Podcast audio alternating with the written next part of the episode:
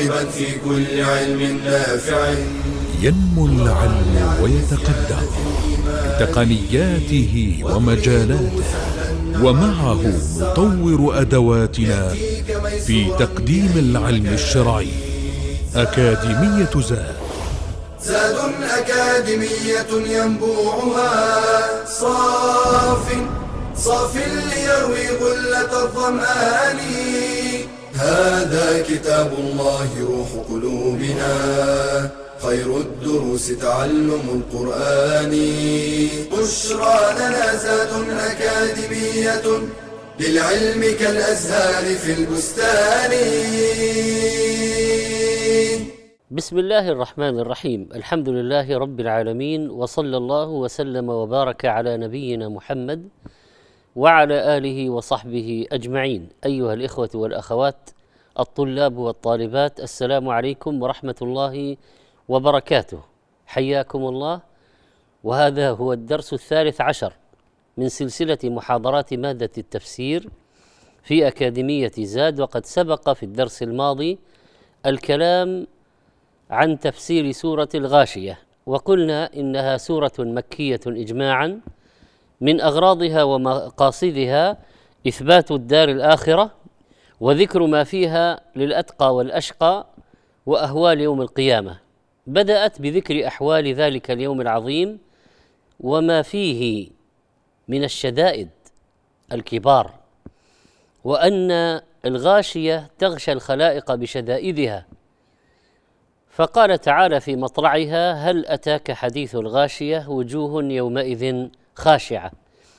يعني ذليلة بالعذاب من الخشوع والذل والفضيحة والخزي.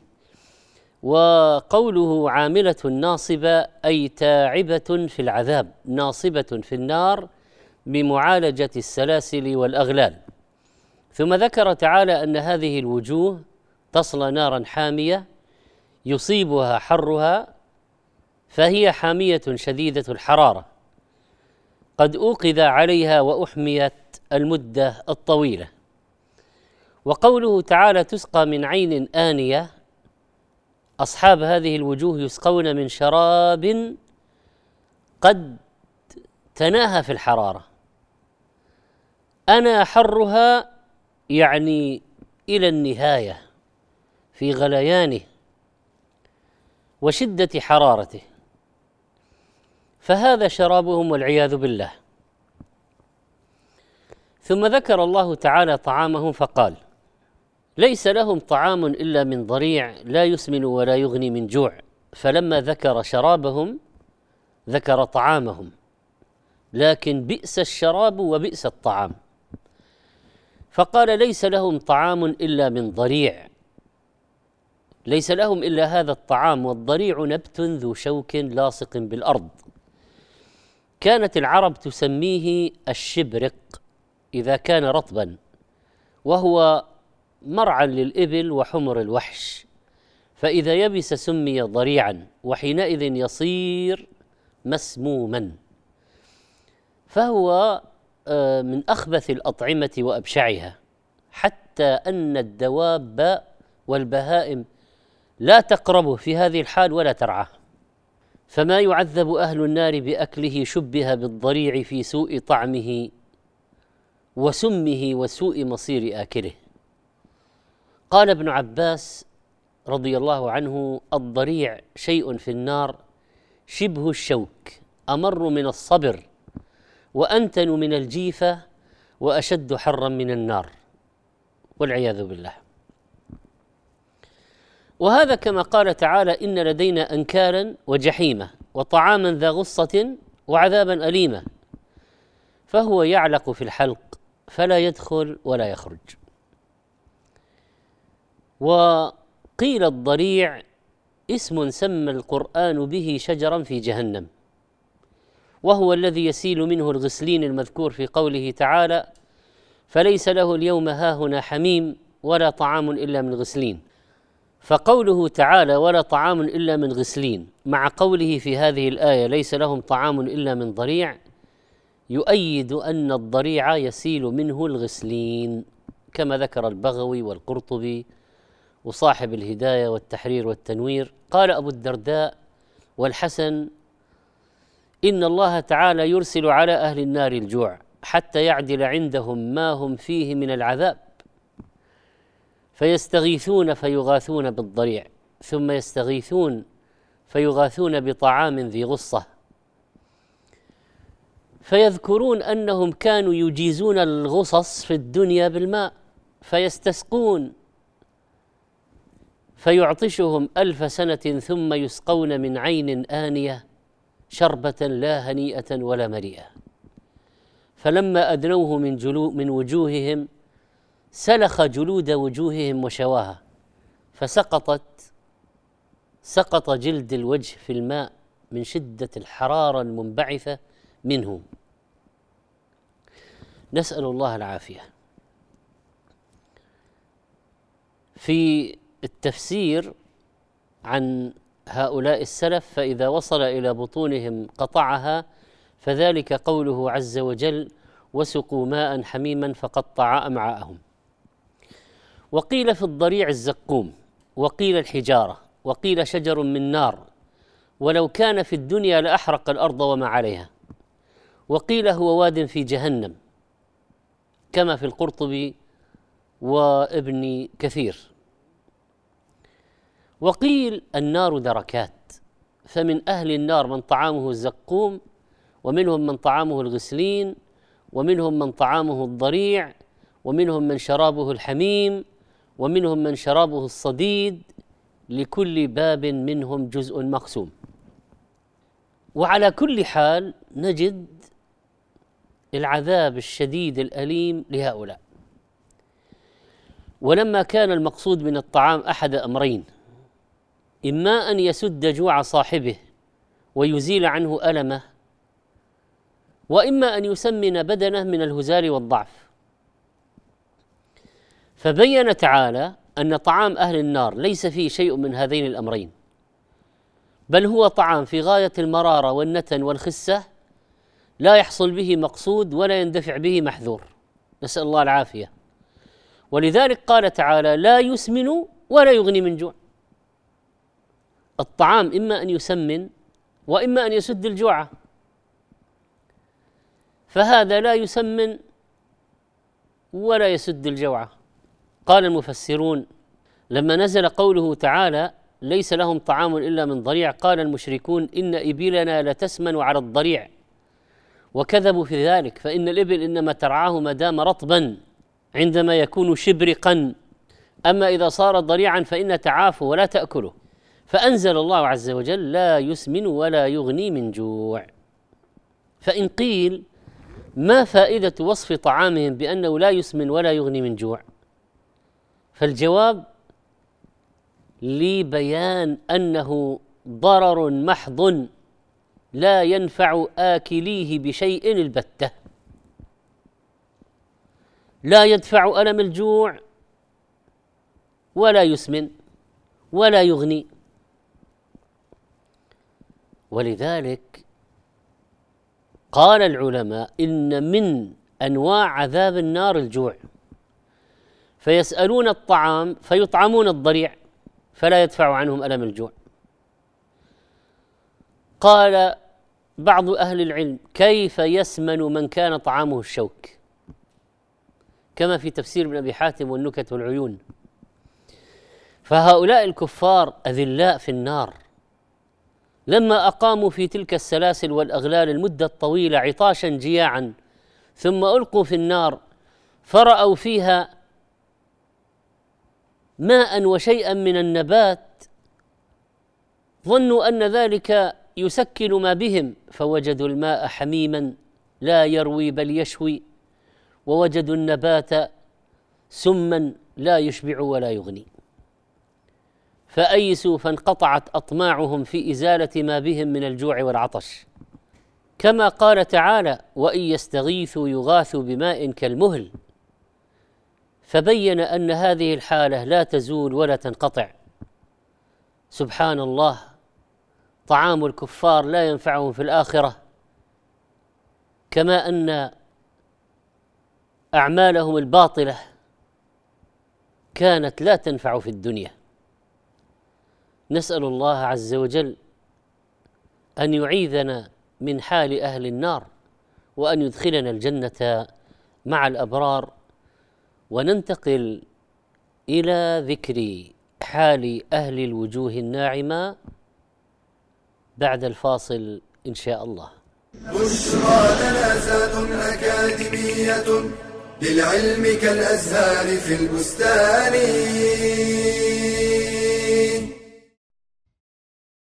كثيرة هي تلك المجالات التي يمكن للمرأة أن تظهر فيها مهارتها وتثبت فيها جدارتها. وتاريخنا الإسلامي حافل بمجموعة كبيرة من النساء. بلغن غاية عظمى وأثبتن جدارتهن في كثير من الجوانب التي تناسب المرأة وطبيعتها. فيمكن للمرأة أن تشارك المجتمع وتتفاعل معه ويصل أثرها عالميا دون إخلال بضوابط الشرع وميزان العفاف.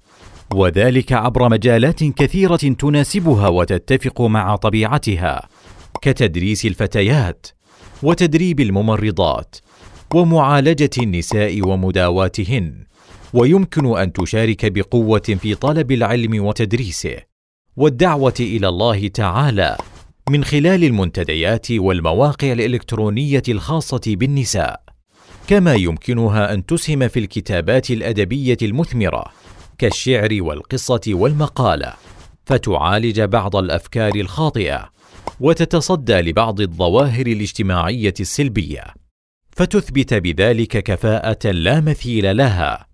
هذا كله فضلا عن المجال الذي يمكنها أن تثبت فيه جدارتها دون منافس وهو القيام بحقوق زوجها وتربية ورعاية أبنائها. قال رسول الله صلى الله عليه وسلم إذا صلت المرأة خمسها وصامت شهرها وحفظت فرجها وأطاعت زوجها قيل لها ادخلي الجنة من أي أبواب الجنة شئت. بشرى لنا أكاديمية للعلم كالأزهار في البستان. الحمد لله حياكم الله. ومرحبا مع تفسير قوله تعالى وجوه يومئذ ناعمة لسعيها راضية في جنة عالية لا تسمع فيها لاغية.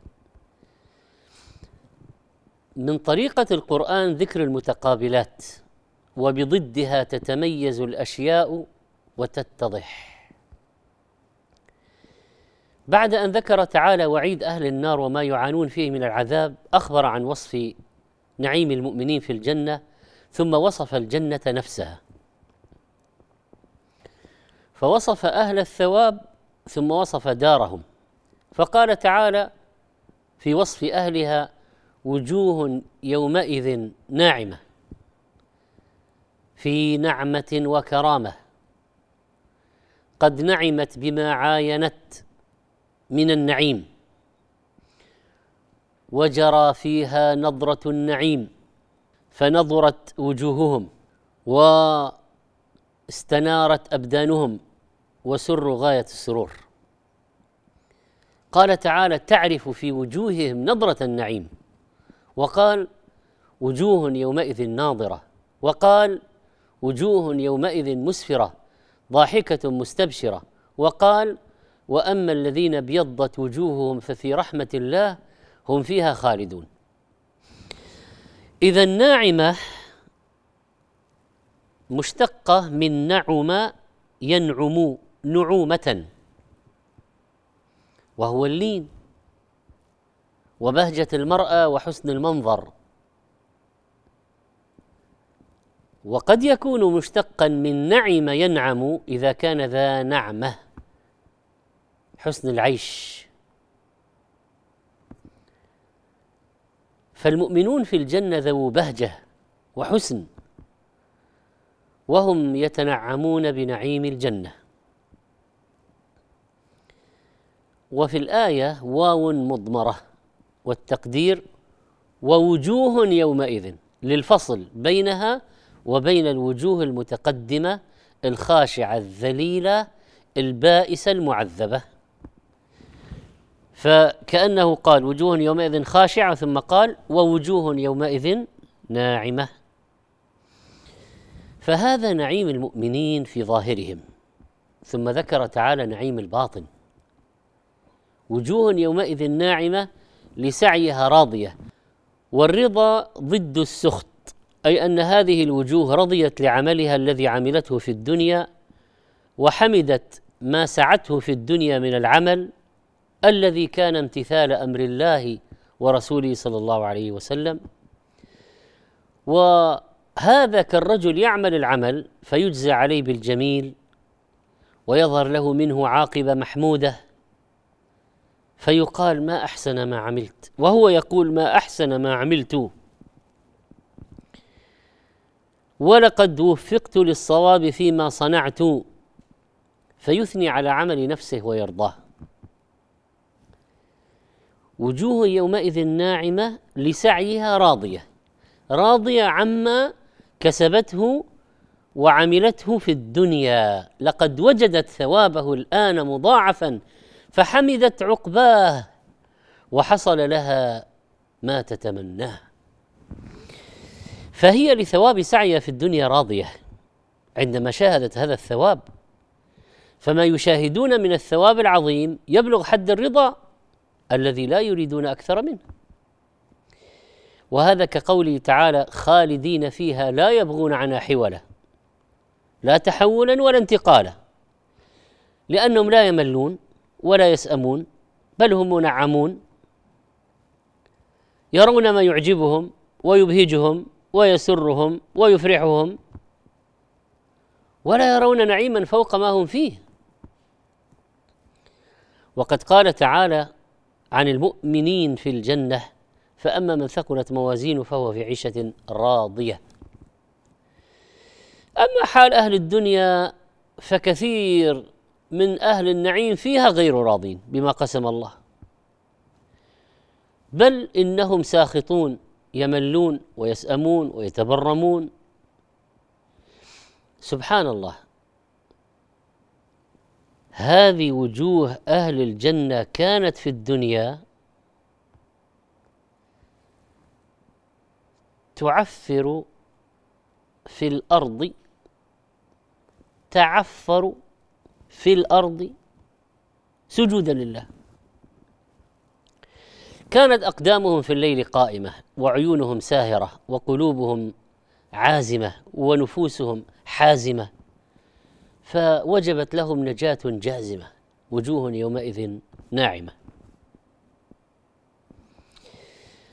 وبعد أن وصف الله تعالى نعيم أهل الجنة وصف الجنة دار الثواب نفسها فقال في جنة عالية مرتفعة في محلها ومنازلها في أعلى عليين فوق السماوات لها غرف من فوقها غرف مبنية يشرفون منها على ما أعد الله لهم من الكرامة. كما قال تعالى لكن الذين اتقوا ربهم لهم غرف من فوقها غرف مبنية تجري من تحتها الأنهار وعد الله لا يخلف الله الميعاد. نسأل الله أن يجعلنا من أهل ذلك. وقيل في معنى عالية أن الجنة أعلى من النار فسميت عالية لذلك وأن الجنة درجات بعضها فوق بعض.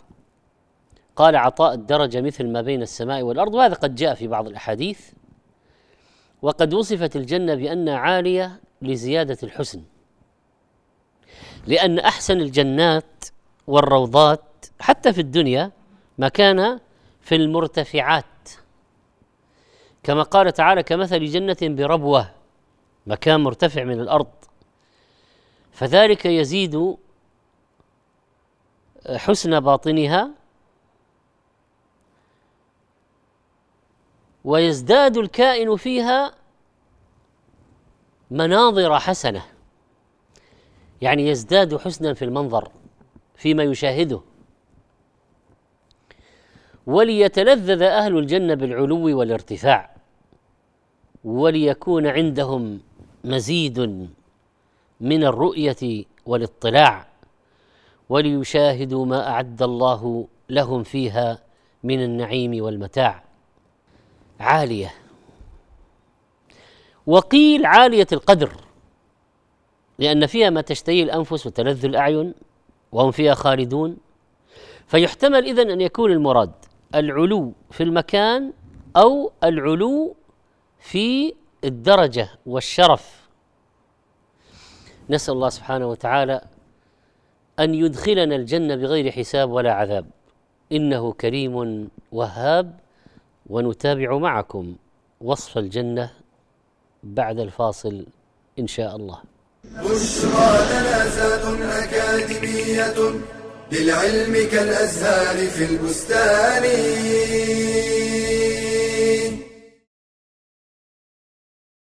هل خطر على بالك وأنت على مائدة الطعام؟ أنه رزق من الله. اعلم أن كل طعام مباح طيب نافع. وأن كل محرم خبيث ضار. يأمرهم بالمعروف وينهاهم عن المنكر ويحل لهم الطيبات ويحرم عليهم الخبائث. والحبوب والثمار والخضر والبقوليات كلها مباحة إلا ما يضر. سواء كان ضرره عاما كالمخدرات. أم خاصا كالحلويات لمريض السكري قال صلى الله عليه وسلم لا ضرر ولا ضرار والأشربة بأنواعها مباحة إلا ما أسكر. قال صلى الله عليه وسلم ما أسكر كثيره فقليله حرام. والحيوان البحري كله حلال حيا كان أم ميتا. قال النبي صلى الله عليه وسلم عن البحر هو الطهور ماؤه الحل ميتته والأصل في الحيوان البري الحل إلا ما نص على تحريمه مثل كل ذي ناب من السباع وكل ذي مخلب من الطير ويحرم ما نهي عن قتله كالهدهد وما أمر بقتله كالعقرب وجميع الخبائث كالحشرات.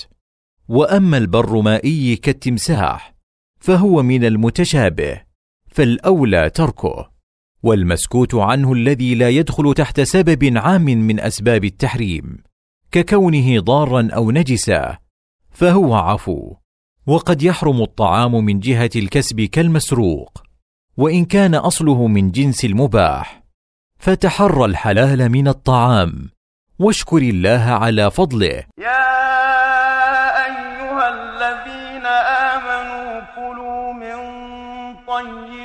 ما رزقناكم واشكروا لله إن كنتم إياه تعبدون. بشرى لنا أكاديمية للعلم كالأزهار في البستان. بسم الله وحياكم الله ونتابع بإذن الله ذكر نعيم جنة الله التي أخبرنا بها في كتابه. لا تسمع فيها لاغية فيها عين جارية. اذا هو وصفها. جنة عالية. لا تسمع فيها لاغية. ليس في الجنة كلام لغو وباطل. فضلا عن الكلام المحرم. لما كان من النعيم أن تسمع دائما الكلام الجميل وكان من المؤذي سماع الكلام الفاحش أخبر الله تعالى أن من نعيم الجنة الكلام الطيب لا يسمعون فيها لغوا ولا تاثيما إلا قيلا سلاما سلاما. حتى كلامهم هم في الجنة يلهمون التسبيح كما يلهمون النفس. يذكرون نعم الله المتواترة عليهم. ليس بينهم إلا الآداب المستحسنة بين المتعاشرين. لا تسمع فيها لاغية اللاغية مصدر بمعنى اللغو وهو الكلام الذي لا فائدة منه. مثل الكاذبة للكذب والخائنة للخيانة. والمعنى لا يسمع أهل الجنة فيها لغوا ولا باطلا ولا ما يؤذي نفوسهم. الجنة دار السلام. ومعنى ذلك أن فيها سلامة من كل مؤذ حتى الألفاظ. ولما تخلصت النفوس من النقائص لم تعد تتكلم إلا بالمعالي ولا تسمع إلا الكلام الطيب. قال تعالى لا يسمعون فيها لغوا ولا تأثيما. وقال تعالى لا يسمعون فيها لغوا ولا كذابه وقال تعالى لا يسمعون فيها لغوا إلا سلاما. أه لا تسمع فيها لاغية. قيل في المعنى كذبة والإثم والشتم وقيل الباطل والمعصية وقيل الحلف حلف أهل الدنيا وكثير منه أيمان فاجرة. فلا يسمع أهل الجنة فيها كلمة لغو ولا باطل ولا كلاما محرما يؤذي النفوس أو تستك منه المسامع الجنة منزهه عن اللغو لأنهم جيران الله وإنما نالوها بالجد والحق لا باللغو والباطل. ولما كانوا في مجالسهم في الدنيا حريصين على سماع العلم والقرآن والفائدة والحكمة من السنة. وكذلك كانوا يذكرون ربهم فيها ويعددون نعم الله عليهم ويتدارسون القرآن والسنة. وكذلك يتدارسون أحكام الله والحلال والحرام. كانت مجالسهم موعظة وذكرى وعلم وفقه ودعوة ومناجاة. ولذلك كانت في الآخرة في جنة الخلد كانت نتيجة ذلك هذا الكلام الجميل الخالي من العبارات الخادشة والقبيحة.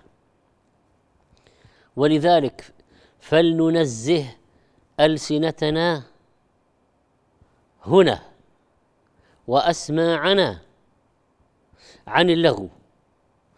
ونربي أنفسنا وأهلينا على الطيب من القول لنستمعه لنسمعه في الآخرة. وفي الآية لا تسمع فيها لاغيه قراءتان مشهورتان. فقرأ ابن كثير وأبو عمرو لا يسمع فيها لاغية وقرأ نافع لا تسمع فيها لاغية على البناء لما لم يسمى فاعله الذي نقول بناء مبني المجهول وقرأ بقية القراء لا تسمع فيها لاغية. على الخطاب للنبي صلى الله عليه وسلم أو أيها المخاطب. آه على قراءة لا يسمع فيها لاغية تكون بالرفع. وكذلك لا تسمع فيها لاغية. نائب فاعل. أما على قراءة لا تسمع فيها لاغية مفعول به. لا تسمع هذه الوجوه لاغية. ثم ذكر تعالى أوصافا أخرى فقال فيها عين جارية. هل هي عين واحدة؟ لا. هذا اسم جنس والمراد جنس العيون. وإنما نكرت عين من كثرتها لأن النكرة تدل على الكثرة والتعظيم أحيانا. فيها عين جارية يعني عيون جاريات كثيرة. والدليل قوله تعالى إن المتقين في جنات وعيون. وفي الآية الأخرى إن المتقين في ظلال وعيون. وفي الآية الأخرى إن المتقين في جنات ونهر يعني وأنهار. وفي الآية الأخرى فيها أنهار من ماء غير آس الآية. وكقوله علمت نفس ما أحضرت أي كل نفس. اذا فيها عين جارية عين هذه نكرة لكن ليست واحدة. كقوله علمت نفس ما أحضرت. نفس واحدة التي علمت؟ لا كل النفوس. اذا المقصود بقوله فيها عين جارية عيون جارية بالماء تتدفق بأنواع الأشربة اللذيذة التي يفجرونها ويصرفونها كيف شاءوا وأن أرادوا تجري على وجوه الأرض بلا أخاديد كما يشتهون. هذا وصف للجنة باستكمال محاسنها. آه، عندما يفجر الشخص من أهل الجنة العين في المكان الذي يريده بالقدر الذي يريده على الهيئة والكيفية التي يريدها هذا وحده من من ألوان النعيم. أو كما قال أولئك الكفار النبي صلى الله عليه وسلم وهم يطلبون المعجزات والآيات أو تكون لك جنة من نخيل وعنب فتفجر الأنهار خلالها تفجيرا. اذا يعني تفجير الأنهار والعيون بحسب ما يشتهي الإنسان ويشاء ويريد هذا نعيم عظيم؟ ولا شك. عين جارية الجزاء من جنس العمل. ولما كانت عيون المؤمنين في الدنيا طالما جرت بالبكاء من خشية الله ودموعهم تسيل على خدودهم مخافة منه كان لهم في الجنة عين جارية نعيما لتلك العين التي كانت في الدنيا جارية من خشية الله. نسأل الله تعالى أن يجعلنا من أهل الجنة وأن يعلي فيها درجاتنا. وأن يرزقنا لذة النظر إلى وجهه. إنه غني كريم. أستودعكم الله. والسلام عليكم ورحمة الله وبركاته. يا راغبا في كل علم نافع. متطلعا لزيادة الإيمان. وتريد سهلا النوال ميسرا يأتيك ميسورا بأي مكان. زاد زاد أكاديمية ينبوعها. صاف صاف ليروي غلة الظمآن. هذا كتاب الله روح قلوبنا. خير الدروس تعلم القرآن. بشرى لنا زاد أكاديمية للعلم كالأزهار في البستان.